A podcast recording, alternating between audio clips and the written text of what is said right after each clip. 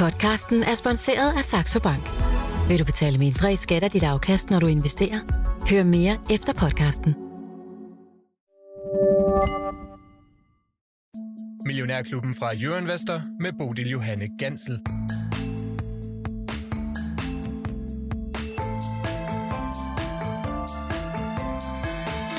Historien er så lang, at jeg næsten burde starte dagens podcast med, der var en gang. Men øh, nu befinder vi os altså ikke i eventyrland med helte og skurke, og når ja, ingen ved vel ret beset, om de overhovedet kommer til at leve lykkeligt til deres dages ende. Det vi ved, det er dog, at selvom de har været meget grueligt igennem, ja, så er der igen optimisme at spore hos landets største finansielle koncern, Danske Bank. De næste 45 minutter, der kan du komme i selskab med bankens administrerende direktør, og det er dig, Carsten Eriks. Godmorgen og velkommen til. Godmorgen. Mange tak. Carsten, øh, betragter du egentlig dig selv som et øh, optimistisk menneske? Det vil jeg bestemt sige, at jeg gør. Øh, selvom jeg har arbejdet med risikostyring hele mit, øh, hele mit arbejdsliv, øh, som jeg tit har set som, øh, som nogen, der ser glasset øh, halvt tom, så vil jeg bestemt sige, at jeg betragter mig selv som at være optimistisk, og glasset halvt fuldt. Og hvordan øh, lader du den øh, optimisme komme til udtryk i dagligdagen? Jamen, øh, det gør jeg jo nok på, på mange forskellige måder, men, men, men, men jeg mener jo, at, at en af de, de vigtigste roller, som, øh, som at være ansvarlig for en, øh, en organisation med, med rigtig mange mennesker, det er at, øh, at sikre, at man, øh, at man viser noget optimisme og noget energi og få øh, organisationen til at, at være energiske omkring øh, formål og hvad man skal, og kunderne. Øh, Øh, så det her med at, øh, at være optimistisk, det tror jeg faktisk er rigtig vigtigt. Det er noget, der, der breder sig på en positiv måde og, og skaber god energi i organisationen. Det giver rigtig god mening. Hvis man ikke selv tror på fremgang og vækst for virksomheden, så må det være svært for de andre at tro på det. Men, men Carsten, har der været tidspunkter, hvor, det blev, øh, altså, ja, hvor du selv blev en lille bit smule i tvivl om, om du kunne styre Danske Bank i retning af en lysere fremtid? Jamen, øh, selvfølgelig har der været det, og, det startede egentlig øh, med, øh, med da jeg blev tilbudt jobbet som, som administrerende direktør, som jeg ikke øh, selv havde regnet eller overhovedet tænkte på. Jeg, jeg, jeg fik jo tilbudt jobbet øh, øh, halvanden år efter den daværende CEO havde fået jobbet som, som CEO, så det kom ret pludseligt. Øh, jeg fik et kald fra bestyrelsesformanden en torsdag øh, eftermiddag, og så havde jeg lige weekenden til at tænke over det, så øh, øh, det, det var, det var en, en, en, en beslutning, jeg vil ikke sige, at den var svær, fordi i sidste ende, så ville jeg jo rigtig gerne, og, og ville rigtig gerne gøre en forskel, men det var svært forstået på den måde, at, øh, at det, der nok gik igennem mit hoved, det var, altså magtede jeg opgaven, øh, Danske Bank havde nogle, nogle kæmpe udfordringer på det tidspunkt. Øh, øh, så, så forstået på den måde, at der er masser af gange, hvor jeg tænker, magter jeg det her? Kan vi det her? Hvordan løser vi det her? Der er der også tider, hvor jeg kommer hjem om aftenen og, og tænker, det har, det har været noget af en hård dag, men, men for mig er det vigtigt, det her med at, øh, at binde sig op mod et, et højere formål. At, øh, at huske på, hvorfor er det egentlig, man gør det, man gør. Øh, og det er det, jeg får rigtig meget energi øh, af, at, øh, at, at, at hele tiden prøve at tage mig tilbage til formål og, og, og, og ligesom den bredere, øh, det bredere perspektiv. Mm. Øh, og så, øh, hvis man har det, så synes jeg også, at man vågner om morgenen og siger, det her, det glæder mig til, fordi jeg kan gøre en forskel. Men øh, lige de der dage, hvor du kommer hjem, og det har været lidt svært, og du måske er lidt øh, træt i hovedet af masser af beslutninger, hvem, hvem kan du spare med på sådan nogle dage? Jamen, øh, jeg, det her med at spare og, og, og tale med andre og lytte til andre, det har altid været en vigtig del af, af den, jeg er, og det, jeg står for, og, og, og den måde, jeg tænker forretning på egentlig. Øh, ikke kun forretning, også på det personlige. Jeg kan godt lide at, at lytte og lære og udvikle mig. Øh, så jeg sparer egentlig med, med rigtig mange øh, forskellige. Det kan både være min, min, min direktionskollega, det kan også være øh, øh, mere bredt, altså kollegaer inde i banken, hvor man, øh, hvor man ringer og hører, hvad sker der, og hvordan går det. Det kan være familien, det kan være venner, øh, det kan være andre, jeg har arbejdet med igennem min karriere. Så det her med at spare og få gode råd og lytte og lære, det, det er faktisk noget, jeg synes, der er rigtig vigtigt. Mm. Lad os lige prøve at få lidt øh, hårde facts på bordet om Danske Bank. I er jo altså Danmarks største bank. Hvor mange medarbejdere er I egentlig? Jamen, vi er lidt over 20.000 medarbejdere i dag. Mm. Og hvor mange kunder servicerer I?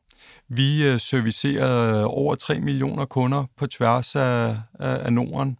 Og øh, jeg vil tro næsten hver fjerde dansker på en eller anden måde er kunde i, i Danske Bank-koncernen herhjemme, ikke? fordi vi har jo selvfølgelig både Danske Bank-gruppen, men vi har også et realkreditselskab, vi har et forsikringsselskab, Danica, vi har et leasingselskab, Nordania, så så der er masser af brands, kan man sige, inde i koncernen, som selvfølgelig også møder danskerne på daglig basis. Ja. I har hovedsædet på Holmens Kanal midt i København, så længe det altså var, for I vil lige være at bygge et nyt hovedsæde ned på Postgrunden. Det er stadigvæk centralt i København, lige ved siden af hovedbanegården. Og øh, nu er det jo ikke nogen hemmelighed, at jeg har arbejdet i Danske Bank i mange år, så jeg har stadigvæk masser af gode øh, kontakter ind til banken, og jeg har mødt medarbejdere og tidligere kolleger, som, øh, som siger, det bliver rigtig godt med en frisk start. Er der, øh, er der for meget dårlig historik knyttet til Hommens Kanal? Nej, det synes jeg egentlig ikke, der er. Altså, jeg synes, øh, nu, nu, nu havde jeg selv muligheden for at, øh, at fejre Danske Banks 150-års jubilæum her for et par år siden. Øh, og øh, det var faktisk en af de stolteste dage i mit arbejdsliv, fordi det her med at, øh, at kunne fejre en, en, en sådan vigtig institution sammen med alle mine kollegaer, øh, var helt specielt. Jeg kan stadig huske, at vi lavede sådan et tv, det var under corona, vi lavede sådan en tv-udsendelse til alle medarbejderne, fordi vi kunne ikke samles fysisk, så vi samlede i små teams, i stedet for at lave en øh, tv-udsendelse. Jeg fik lov til at sidde ved siden af Knud Sørensen, som du måske kan huske uh, yeah. fra dine dage, og vi talte om banken og bankens historie, og hvordan det var at være CEO dengang, og hvordan det er i dag. Øh, men det er bare et eksempel. Altså det her med, at, at Danske Bank har en, en, en fantastisk historie, en vigtig historie. Vi har været med til at, at hjælpe øh, vores kunder selvfølgelig og samfundet øh, gennem de helt store omstillinger i, øh, i, i samfundet. Så, øh, så der, jeg, jeg ser bestemt, at vi har en positiv historie, men det vil, det, det vil ikke sige, at vi ikke også har haft svære tider. Øh, det har vi haft under finanskrisen, og det har vi også haft her i, i nyere tid med, med Estlandssagen. Øh, men, men overordnet er der ingen tvivl om, at jeg kigger tilbage på Danske Banks historie, og ikke mindst mine 6,5 år med, med stolthed. Det er dejligt at se, hvordan dit ansigt lyser op, ja. når du fortæller om fejringen i ja. 150 år. Ja. I blev stiftet i 1871. Det ved jeg helt præcis, fordi jeg har siddet og knastet det hundredvis af gange, da jeg sad som bankelev i banken. Der skulle vi nemlig skrive Den Danske Bank af 1871, når vi skrev breve under. Så det kan jeg øh, til hudløshed. Dengang øh, der hed banken Den Danske Landmandsbank, Hypotek og Vekselbank i København AS, og det var sadelmager og vekseler Gottlieb Hartvig Abrahamsen Gedalia, der stiftede banken. Aktiekapitalen var dengang 2,4 millioner kroner. rigsdaler. I kroner der er det 4,8 millioner. Det er altså en gigantisk lang historie, som I har bag jer, som du også er inde på, Carsten. Men altså, hvad vil du sige har været sådan de vigtigste milepæle igennem den der historie? Jamen, altså, den, de vigtigste milepæle er, at Danske Bank, som jeg ser der, har været en, en vigtig del af, at hele udviklingen i Danmark gennem de 152 år, altså at hjælpe at være et mellemled og hjælpe kunder med de store omstillinger og hjælpe med rådgivning, med finansiering til de store projekter, øh, at, øh, at være der for kunderne øh, gennem øh, tygt og tyndt, at, at være der med kapital og likviditet, øh, øh, i forhold til, øh, til, til, til de store beslutninger i livet, og det kan jo være helt fra selvfølgelig at være privatkunde, der skal ud og købe sit første hus, som jo måske er en af de vigtigste, i hvert fald finansielle beslutninger, man tager, øh, til, øh, til at hjælpe øh, en, en, en lille virksomhed med at mere væk, vækst ikke? og få sin første øh, finansiering, så man kan vækste og gøre sin virksomhed endnu større, til selvfølgelig de store virksomheder og tage dem ud i verden. Øh, og det er, jo, det, er jo, det er jo vores rolle, det er derfor, vi er. Øh, øh, så jeg vil mene, at, at, at banksektoren generelt, og Danske Bank øh, som en, en, en rigtig vigtig spiller i det, spiller en, en, en rigtig essentiel vigtig rolle i øh, den vækst og udvikling, vi har set i, i Danmark gennem øh, ja, de sidste 150-52 år mm. for Danske Banks vedkommende. Ja. Og så de senere år, så er I altså desværre også blevet kendt for en øh, række møjsager. I er blevet trukket gennem pressesølet. I har mærket folkedomstolens aggressioner op til flere gange. Og det er altså ikke, fordi vi skal rode specielt meget rundt i det, der er allerede skrevet mangt og meget om lige præcis øh, de sager. Men jeg synes også, det er lidt mærkeligt slet ikke at nævne dem. Der har været en skattefidus-sag i Spanien, der har været en gældsinddrivelsessag, hvor kunder blev sendt til en kasse på grund af en fejl i jeres systemer. Og så er der jo den sag, som nok aldrig helt forsvinder, uanset hvor meget I siger undskyld eller betaler bøder i milliardklassen, nemlig hvidvask-sagen. Carsten, hvordan er det at skulle blive ved med at bære rundt på den historie? Jamen altså, det er jo noget, jeg mærkede meget på min egen krop, for jeg startede i Danske Bank i august 2017, hvor øh, aktieprisen lå på det højeste niveau, den nogensinde havde gjort, og øh, det hele gik rigtig godt, og så lige pludselig så kom der jo så øh, Estland-sagen ud, og så havde vi så gældsagen, som du nævner, og, og nogle andre øh, sager. Øh, så de sidste seks et halvt år øh, har været meget fokuseret på at få ryddet op, at få styrket vores risikostyring, vores compliance, og få sagt undskyld til kunder, til samfundet. Øh, så det er jo noget, jeg har mærket øh, øh, meget på min kold, både i forhold til medarbejderne og hvor hårdt det har været at skulle gå på arbejde hver dag og tale med kunderne og sige undskyld og øh, på kunderne selvfølgelig, som har været skuffet, men selvfølgelig også på det bredere samfund. Det er jo noget, selvfølgelig både medier og politikere og alle har været interesseret i, ikke? Øh, af gode grunde. Når, når, når man er så stor, som, som vi er, så har man... Øh, øh, en, et kæmpe øh, opgave ikke i at, øh, at sikre, at man gør ting ordentligt og godt, øh, og øh, øh, der er der jo ingen tvivl om, når man træder i spinaten, som vi har gjort øh, på, på flere områder, så, øh, så er det noget, der fylder meget. Mm. Øh, og øh, og øh, det, jeg har været fokuseret på med, med alle medarbejderne, det er jo at, øh, at, at vende banken, ikke? At øh, sikre, at vi får adresseret de øh, møgsager, øh, og at komme tilbage. Øh, at komme tilbage igen som den bank, som vi er og skal være, og være der for kunderne, og jeg synes, vi er nået rigtig langt. Øh, men, øh, men det har da helt klart været udfordrende, ingen tvivl om dem. Tror du, der kommer et tidspunkt, hvor vi helt holder op med at tænke på den der hvidvasksag, eller bliver det bare sådan hængende over Danske Bank øh, i ja, resten af dens levetid?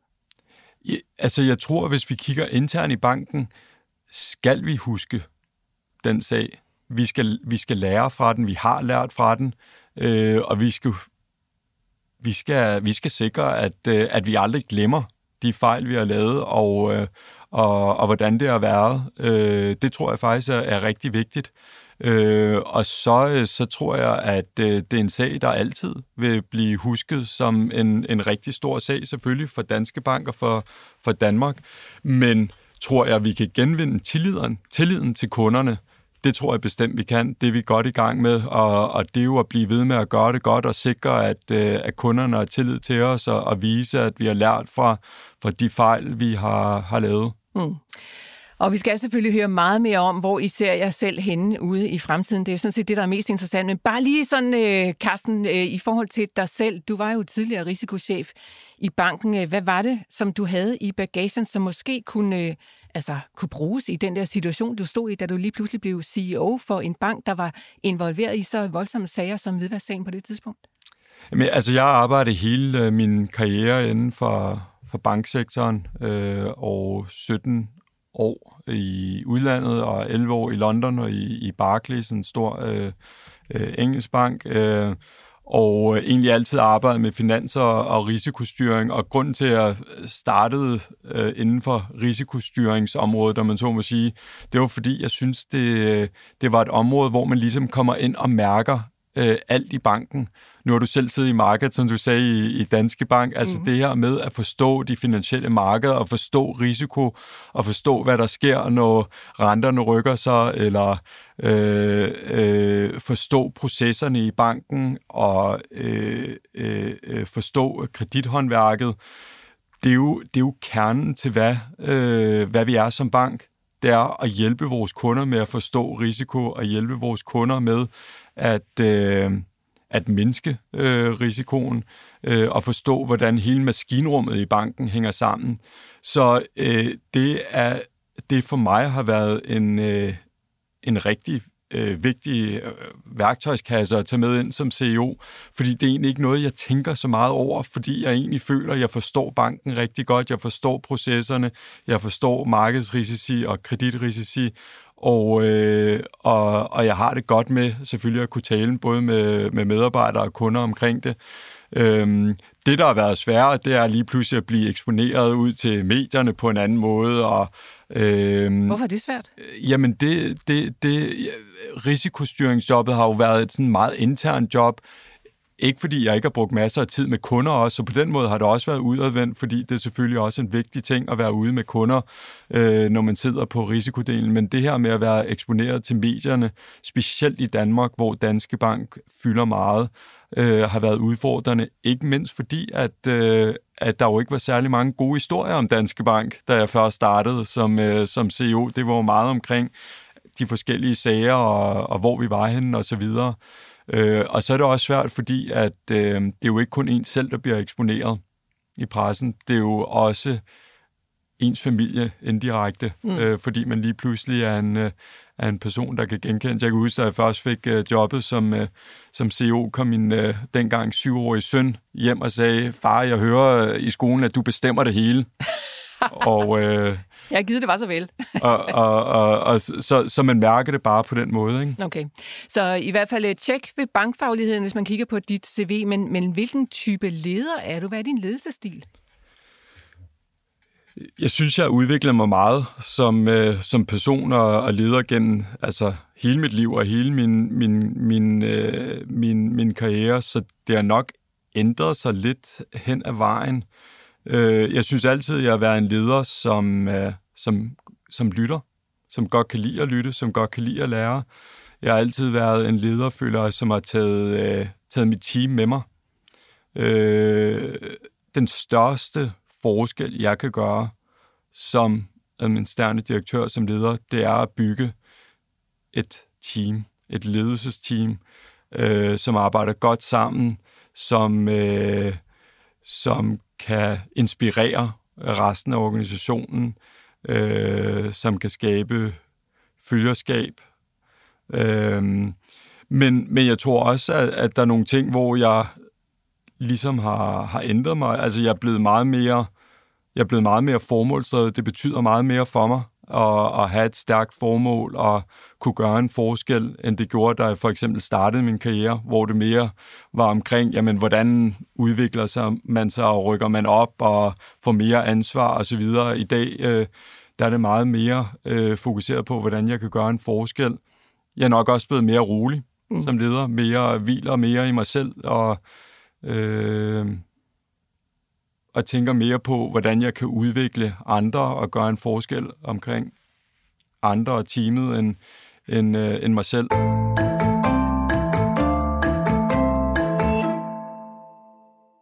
Du sidder sikkert ikke og tænker på dagligvareindkøb til din virksomhed lige nu. Men hvis du gør, ved du så, hvor meget tid du bruger på det? Vi ved det ikke. Men vi ved, at vores erhvervskunder sparer mange timer på at lade os stå for indkøbene. Nemlig også til erhverv. Du lytter til en særudgave af Millionærklubben, hvor jeg i dag har besøg af Danske Banks CEO Carsten Egeris. Programmet er optaget på forhånd, så øh, der kan altså være aktuelle nyheder på sendetidspunktet, som vi ikke helt har fået med.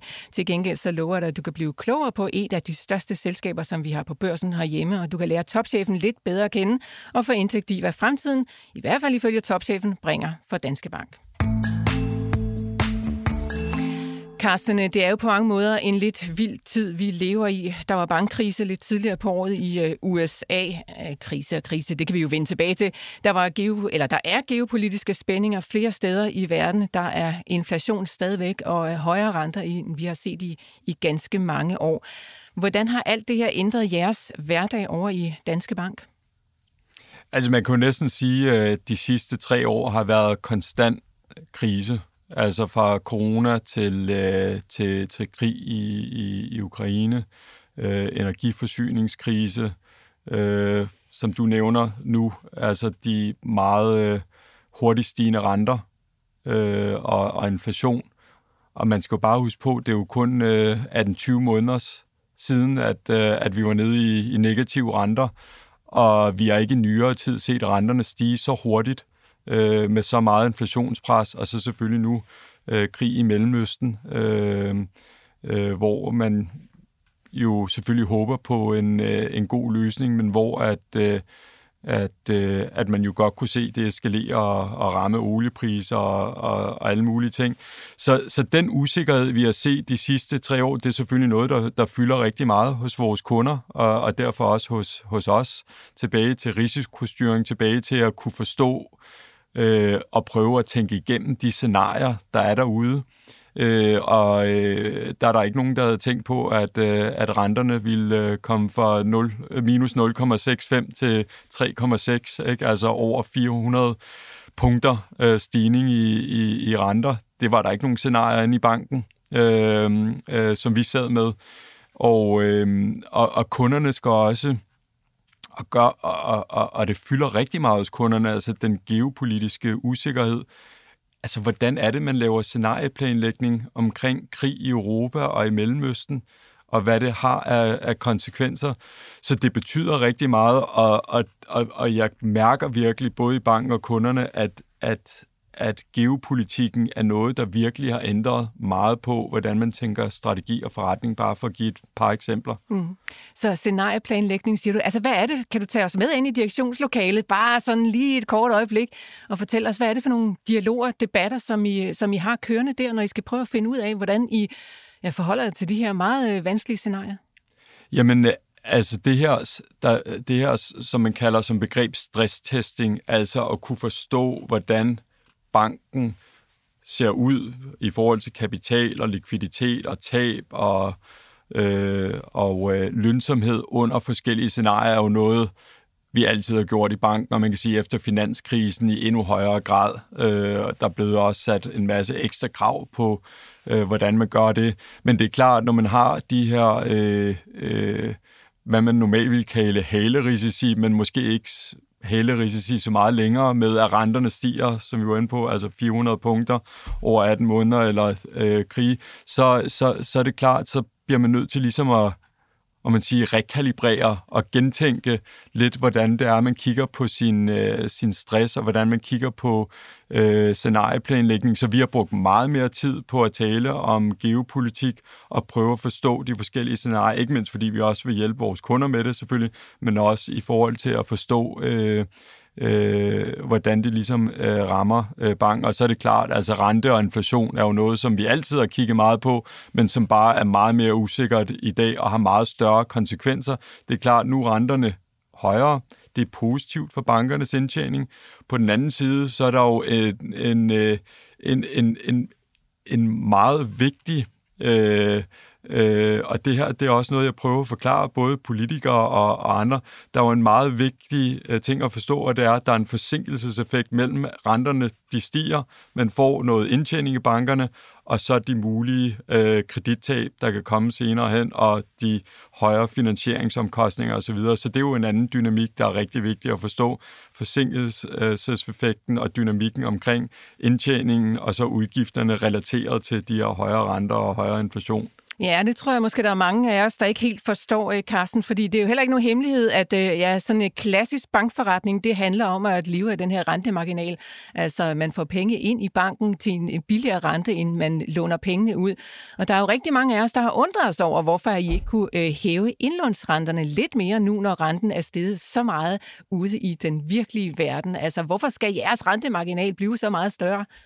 Ja, Nå, man, man kan sige først og fremmest, så øh, hvis du kigger på rentemarginalerne i bankerne generelt, så ligger den faktisk nogenlunde på niveauerne, øh, den lå i i begyndelsen af nullerne. Så når du kigger historisk set, øh, ligger rentemarginalen nogenlunde, hvor den har ligget i, i, i rigtig store dele af, lad os sige, bankernes nyere historie.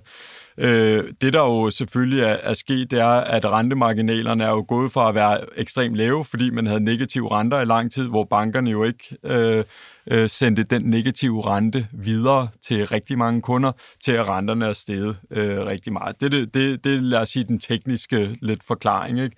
Men, men i forhold til kunderne, øh, øh, der mener jo, at, at vores rolle som bank er at rådgive kunderne og komme med et værditilbud, der er relevant for kunderne, og det gør vi jo ved at, øh, at have nogle, øh, nogle gode opsparingsprodukter. Og øh, der har vi jo opsparingsprodukter, både hvor du kan binde dine penge, og hvor du ikke kan binde dine penge, og de ligger fra ja, 2,25 procent i danske indlån til op til 3 procent i noget, der hedder dansk toprente. Og det er jo opsparingsprodukter, som du kan åbne helt gratis på din mobiltelefon, og så overføre dine penge øh, til de øh, produkter. Og det er jo også det, vi rådgiver vores kunder til at gøre. Så det her med, at bankerne ikke øh, giver kunderne positive renter, det er ikke noget, jeg genkender. Altså, vi prøver som bank at, øh, at, at skabe så mange øh, interessante øh, opsparingsmuligheder som muligt, og at have et, et konkurrencedygtigt værditilbud. Og I er jo altså også kommet efter det, ligesom med mange af de andre store banker. Men kan du forstå, hvis vi herude i den virkelige verden synes, at det gik lidt træt? Der var enkelte banker, jeg tror, Saxo Bank var ude relativt tidligt og sætte indlånsrenten op, men altså masser af de andre store banker, det var som om I holdt, holdt, øh, holdt jer lidt tilbage. Øh, nu vil jeg jo ikke kommentere på, øh, på, på andre banker, men, men for os i, i Danske Bank, der øh, mener vi jo, at vi har været rigtig hurtige til at komme med, med nye opsparingsprodukter igen, som, som er lette øh, øh, at, øh, at bruge for, for, for kunderne og været hurtigt ude og rådgive kunderne omkring øh, de øh, øh, produkter. Og vi ser jo også i vores egne tal i Danske Bank, at, øh, at indlånene jo er gået op i banken, hvilket vi ser som et tegn på, at, at kunderne er glade for at have deres penge hos os og benytte sig af de øh, indlånsprodukter, som vi har, opsparingsprodukter, vi har. Så Carsten, må jeg tillade mig at tolke det derhen af, at øh, du ikke kan forstå, at vi andre synes, det gik lidt træt? Nå, men altså, jeg forstår jo godt diskussionen derude omkring altså renterne og de øh, positive, og de er gået hurtigt op, og hvad har man af muligheder. Øh, men, men diskussionen går jo meget på, at der er noget, der hedder en transaktionskonti, hvor du har din sådan, hverdagsbehov, øh, øh, behov, og så har du noget, der hedder øh, opsparings konti. Og det vi jo rådgiver vores kunder, det er at bruge de her opsparingskonti og rykke pengene over på dem, og så kunne få en god rente mm. øh, på, på de penge der. Ikke? Men uanset hvad, når fundamentet det ændrer sig for bankforretningen, ja, så ændrer det måske også på konkurrencesituationer på markedet derude. Kan du se, at øh, det har rykket rundt på nogle øh, ja, øh, konkurrenter, eller det har ændret på konkurrencesituationen sådan fra dit synspunkt? Jamen, øh, jeg, jeg bliver jo tit spurgt om, hvordan ser jeg konkurrencesituationen i banksektoren i, i, i Danmark, og hvordan er dynamikken? Og jeg ser, at det er en, øh, jeg ser, at det er en dynamik, en banksektor, hvor der er øh, god og sund konkurrence, hvor at der er øh, masser af, af, af, af dygtige øh, konkurrenter set fra, fra min stol, øh, og øh, hvor at, øh, at både på indlån og på udlån, at der er masser af konkurrence i forhold til, altså masser af gode produkter til forskellige prisfastsætninger. Og det er jo det, er jo det vi ser, så det er jo om det er realkreditmarkedet, eller det er banklånmarkedet, eller det er øh, indlån- og opsparingsdelen. Men øh, strategiske overvejelser, det må det altså også øh, give, når man øh, går sådan fra et mm, bankmiljø til et, et helt andet. I er gået fra den strategi, der hed Better Bank til Forward 28. Hvad, hvad er ændret, og hvad er planen sådan fremadrettet i den nye strategi her? Ja, men altså lige hurtigt, Better Bank-strategien, som blev sat øh, i søen i 2019, det var jo meget en, en plan, som øh, som kendetegnede, om man så må sige, eller afspejlede den situation, banken var i dengang, som vi var lidt inde på før. Øh, hvor vi havde en masse arbejde omkring compliance og risikostyring, og ligesom genvinde tilliden. Og, og, øh, så det, det var lidt mere nogle prioriteter, vil jeg sige. Øh, omkring, hvordan vi får medarbejdertilfredsheden op, øh, kundetilfredsheden op igen, og så får styr på vores compliance og risiko. Den strategi, vi lancerede i juni måned, det er det, jeg vil kalde en rigtig strategi hvor vi kigger fremad. Det er derfor, vi kalder den Forward 28. Vi kigger fremad de næste øh, fem år. Vi har brugt rigtig meget tid. Vi har brugt øh, 7-8 måneder med rigtig store dele af organisationen på at bygge den strategi. Så jeg vil kalde det bottoms up. Altså vi har haft rigtig mange af vores medarbejdere med i det strategiarbejde for at sikre, at der var, der var buy-in, der var øh, energi omkring det, øh, øh, og at vi havde alle dem, der skulle være med øh, til den strategi med ind over og kigge på, hvad er det egentlig, vi gerne vil. Så det er det første. Det var lidt omkring processen. Øh, strategien handler om at være en, en fokuseret nordisk bank. Vi har ligesom tre ambitioner, at være den ledende bank for store kunder og institutionelle kunder på tværs af Norden, at være en ledende bank for små og mellemstore kunder, igen på tværs af Norden, og så øh, være en ledende øh, privatkundebank i Danmark og i Finland. Øh, og så har vi selvfølgelig sat nogle finansielle mål også. Øh, det er en vækststrategi. Det er en strategi, hvor vi vil investere endnu mere i digitalisering og i rådgivning. Men det var også en strategi, hvor vi tog nogle svære beslutninger, og hvor vi sagde nej til nogle ting. Så vi sagde for eksempel nej til øh, vores øh, privatkundedel i, i, i Norge, sagde, jamen vi kan ikke gøre alle de her andre ting godt, og også øh, øh, investere i, i privatkundedelen i Norge, så den øh, del af forretningen har vi solgt til, øh, til Nordea. Og hvor langt er I den proces?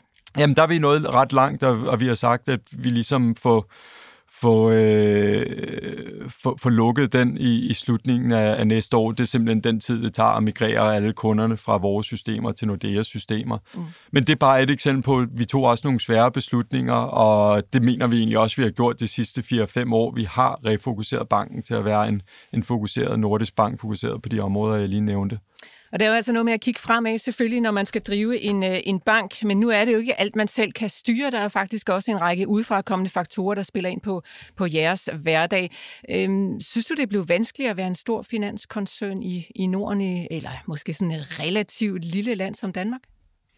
Jeg, jeg ved ikke, om jeg siger, at det er blevet van, vanskeligere nødvendigvis i Norden. Jeg vil sige, hvis jeg kigger på mine nu næsten 24 år i finanssektoren i, i forskellige steder i, i, i verden, øh, så er der ingen tvivl om, at på mange måder er det blevet mere komplekst at drive bank, men jeg vil også sige, at det er blevet mere komplekst at drive stor virksomhed generelt. Altså, der er meget mere øh, regler, regulering, compliance.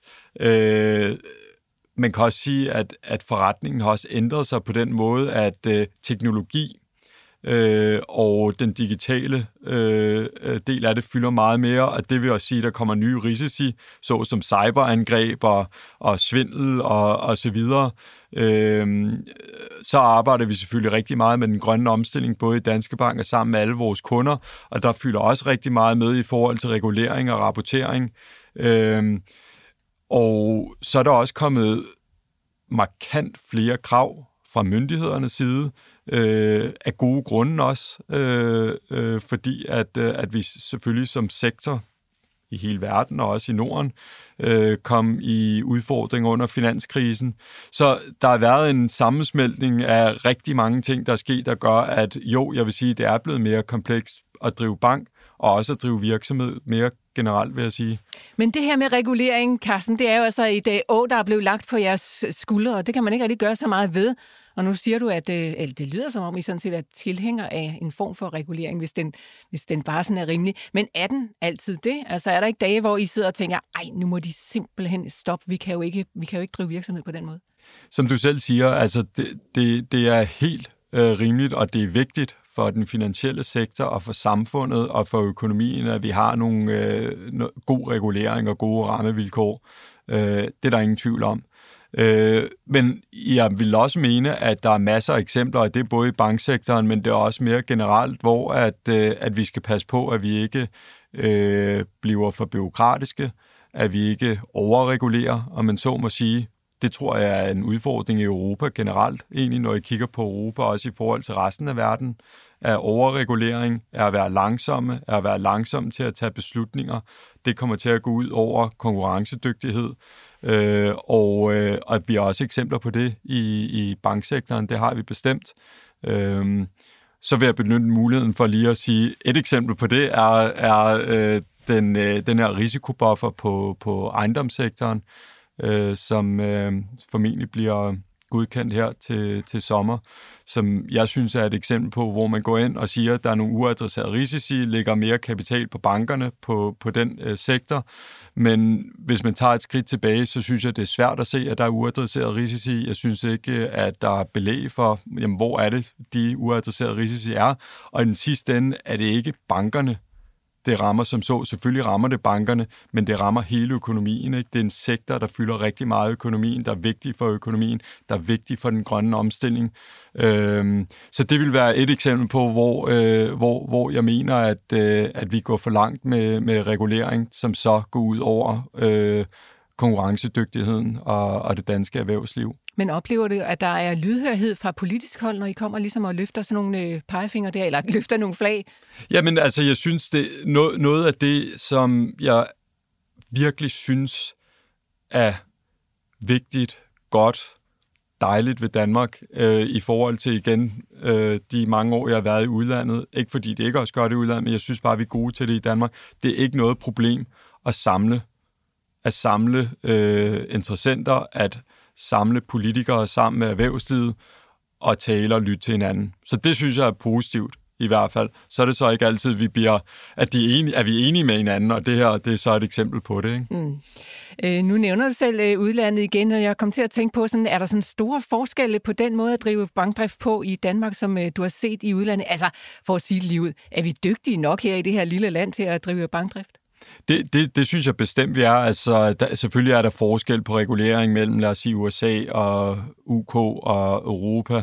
Igen, jeg, jeg, jeg, jeg synes, at vi måske er lidt for øh, fokuseret på regler og, og lidt for byråkratiske generelt i Europa, når jeg kigger på øh, kapitalmarkederne for eksempel i UK og, og, og USA, er de meget mere likvide øh, som er rigtig vigtigt for at øh, støtte op om investeringer i, i startup, i, i grøn omstilling osv. Det har vi ikke på den samme måde i Europa og Danmark, og det ser jeg lidt som at være en forskel.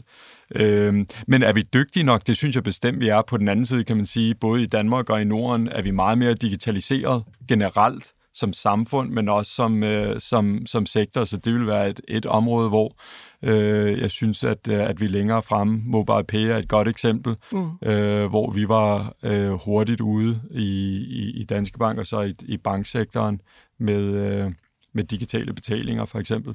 Så digitalisering, det er I ret godt med på over i, øh, i Danske Bank, men det er vel også et område, som er meget svært at bevæge sig på, fordi det går så sindssygt hurtigt, og det bringer også en masse nye konkurrenter frem, går jeg ud fra. Altså, hvordan øh, ser I på den risiko, at øh, måske store tech-virksomheder, de skal til at lave noget af det, som I laver?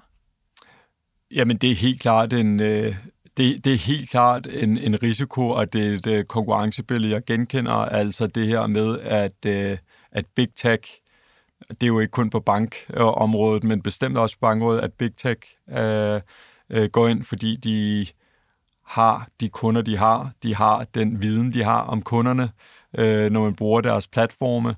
Øh, og så, øh, så bruger de den data, viden og selvfølgelig øh, de øh, ressourcer, de har til, øh, til også at gå ind på andre områder, såsom betalinger, såsom udlån, altså kredittiden. Øh, og så er der selvfølgelig også eksempler på, på, på startups, altså det vi kalder neobanker, nye banker, der kommer ind med, lad os sige, en mere... Øh, øh, en mere digital øh, øh, tilgang, øh, hvor de ikke har, lad os sige, udfordringen af at have en, en gammel platform, øh, og kan gå ud og tænke øh, på en lidt anden måde. Men jeg synes, øh, det, det, er jo ikke, det er jo ikke nye risici, kan man sige. Altså det, det er noget, vi har arbejdet med gennem længere tid, og jeg synes egentlig, bankerne har formået at komme efter. Mm-hmm. Øh, og det har de gjort øh, delvis, fordi det er svært at komme ind i sektoren kvæg den regulering og compliance og omkostninger, øh, men også fordi altså, at bankerne, og, og, og der synes jeg da, at min egen danske bank er et eksempel på det, har investeret i at sikre, at vi har lige så gode digitale løsninger som, øh, som nogle af de nyere spillere. Ikke? Men det betyder altså også, at I skal bruge en masse penge på den slags øh, fremadrettet. Det er der jo vel mange virksomheder, der skal derude. Øh, måske også sammensætte øh, personalet på en lidt anden måde. Carsten, kan I let tiltrække den type eksperter, som I har brug for, både inden for tech og, øh, og inden for bankforretning? Jeg synes egentlig, at, øh, at jeg ser, at vi har været dygtige og gode til at få dygtige folk ind i, øh, øh dygtige kollegaer ind i, i banken, både på, på IT- og digitalområdet, på risikoområdet og, og, og på et mere generelt bankområdet. Og øh, vi har egentlig også set en forbedring de sidste år i forhold til øh, Danske Bank som arbejdsplads, både set fra, øh, fra unge, der kommer ud fra øh, øh, Copenhagen Business School, men også mere generelt for andre uddannelsesinstitutioner i, i, øh, i, i Danmark. Øh, vi har også en rigtig stor... Øh, vi har også et rigtig stort øh, øh, offshore øh, setup i, øh, i Vilnius, øh, i Litauen, øh, hvor vi har øh, cirka 4.000 medarbejdere, der både arbejder med med IT-teknologi og, og andre dele øh, af, af, af banken, og der har vi også formået at få rigtig dygtige øh, medarbejdere ind. Så det synes jeg egentlig ikke øh, har været et problem som så, men er der, er der sådan en, øh, en war for talent på, på altså IT-området? Ingen tvivl om det. Og, og det her med at, at få dygtige øh, koder og, og udviklingsfolk ind og, og, og beholde dem i banken, det er hele tiden en udfordring. Lad mig lige her til sidst, Carsten, svinge dig tilbage til noget, som du nævnte sådan lige lidt uh, en passant, nemlig uh, den grønne omstilling. Hvad i alverden er bankens rolle ind i den grønne omstilling, som vi jo uh, står foran, og som uh, alle forventer bliver gigantisk stor fremover? Jeg tror, jeg vil sige, først og fremmest har bankens rolle altid været vigtig i de store omstillinger. Ikke? Om det har været fra landbrug til industrination, eller fra industrination til den øh, øh, te- teknologiske revolution, om man kan kalde det det. Og den grønne omstilling er, vil jeg mene, den største udfordring, vi har foran os som samfund. Øh, og øh, kvæg at vi i Danmark øh, investerer over 1000 milliarder kroner via Danica Pension og vores kapitalforvalter, og har over øh, 1000 milliarder i, i udlån til, til virksomheder øh, og til privatkunder, spiller vi en kæmpe rolle i forhold til, hvordan kan vi hjælpe med, øh, hvordan kan vi hjælpe vores kunder, hvordan kan vi hjælpe vores samfund med at sikre, at vi når vores øh, CO2-udledningsmål op imod 2030 og 2050. Og det er jo noget med både at sikre, at øh, når vi investerer, at vi har nogle politikker omkring det, at vi er engageret med de firmaer, vi øh, investerer i, at vi går på generalforsamlinger og stemmer øh, for, for, for, for, for den dagsorden, øh, at, at nå vores CO2-mål og sikre, at de investeringer, vi laver, er i, i virksomheder, der har farbare, øh, bæredygtige planer. Og på finansieringsdelen, der vil jeg sige, der er det jo lidt det, vi altid har gjort. Vi skal forstå virksomhedernes strategi. Vi skal sikre, at de strategier er bæredygtige. Øhm, og øh, du kan ikke have en, en virksomhedsstrategi i dag, uden også at have en god bæredygtighedsstrategi. Så det at hjælpe vores kunder med at sikre, at de har en, en god strategi, og så kan vi hjælpe jo selvfølgelig med finansielle produkter, for eksempel bæredygtighedskoblede lån eller grønne obligationer. Fortæl dem, hvad vi ser andre steder. Fortæl dem, hvad der sker på kapitalmarkedssiden. Øh, Øh, og så helt... Øh, helt lavpraktisk øh, på, hos privatkunder er det jo at hjælpe med at sikre, at vi har nogle, nogle relevante produkter til elbiler eller til energirenoveringsprodukter øh, øh til, til, til hus og hjem. Men sådan helt konkret i forhold til den der kreditgivning, Carsten, øh, bliver det så ikke meget magt at lægge over på sådan en, en bank som jer, at I lige pludselig skal sidde og vurdere, hvad der er bæredygtigt og hvad der ikke er? Det er jo stadigvæk et begreb, som man godt kan trække lidt sådan, som elastik i metermål. Ja, nu får vi jo selvfølgelig en masse hjælp, fordi der er jo en masse regulering omkring, hvad der er bæredygtigt, hvad der ikke er, både altså på lånesiden og på investeringssiden. Øh, så der er jo en masse krav og rammevilkår. Det er også vigtigt, sådan, så vi ligesom er konsistente omkring, hvordan vi ser det her, ikke mindst når vi også afrapporterer det. Øh, og så, øh, så er det en opgave, vi selv tager rigtig alvorligt, så vi har brugt rigtig meget tid på at oplære vores medarbejdere. Vi har haft øh, flere tusind af vores rådgivere igennem bæredygtighedstræning, og det er jo selvfølgelig ikke kun en indgangsting, det er jo noget, vi skal blive ved med. Øh, så øh, så det, det er ikke sådan, vi ser det. Vi ser det som om, at vi, vi er en del, øh, øh, en del af, af løsningen øh, og, øh, og vi investerer i det for at sikre, at vi kan hjælpe vores kunder med, med omstillingen. Og hvad gør I selv internt i Danske Bank for at være bæredygtige? Det er klart, altså det her med scope 1 og 2, altså det vi selv kan gøre, det er jo noget, der også er super vigtigt, og selvom det kun fylder en, en brøkdel af den samlede udledning, når du kigger på scope 3, så arbejder vi selvfølgelig internt også, og det er jo både med rejse og energieffektive domicil, som vi flytter øh, ind i øh, her i, i april næste år, og og, og hvordan vi bruger energi osv. Mm. Carsten hvis vi skal til at, at slutte af øh, til næste år, der ser Danske Bank formentlig lidt anderledes ud, fordi I i hvert fald flytter hovedstedet, så der bliver et nyt ansigt ud af til, så at sige. Men øh, hvis vi kigger 10 år frem i tiden, øh, har du så et billede af, hvordan Danske Bank ser ud sådan mere overordnet? Jamen, øh, vi, vi kommer til at være en, øh, en vigtig bank i Norden, i Danmark, i Norge, i Sverige, i Finland, øh, fokuseret på, på, på erhvervskundesegmentet, storkunder det institutionelle segment, og så privatkunderne herhjemme og i, og i Finland. Vi kommer til at være en, en, en, en bank, der investerer rigtig meget i, i, øh, i digitalisering og teknologi, sådan så vi kan hjælpe vores kunder med at, øh, at selvbetjene og gøre de ting, de gerne vil gøre digitalt, men stadig med kæmpe fokus på rådgivning og på bæredygtighedssiden. Så på en eller anden måde tror jeg, at vi kommer til om 10 år at være den bank, vi egentlig også altid har været, men bare på en anden måde, fordi verden jo har ændret sig, og vi skal sikre, at vi også omstiller os i takt med, at kunderne bruger os og banken øh, anderledes. Carsten Eris, det har i hvert fald været en kæmpe fornøjelse at have dig i studiet her og mærke din egen begejstring for den bank, som du altså sidder øh, for bord inden for. Tusind tak, fordi du kom her i dag. Og således altså Millionærklubben CEO for denne fredag. Vi er tilbage igen næste fredag med en ny CEO i studiet på Genhør.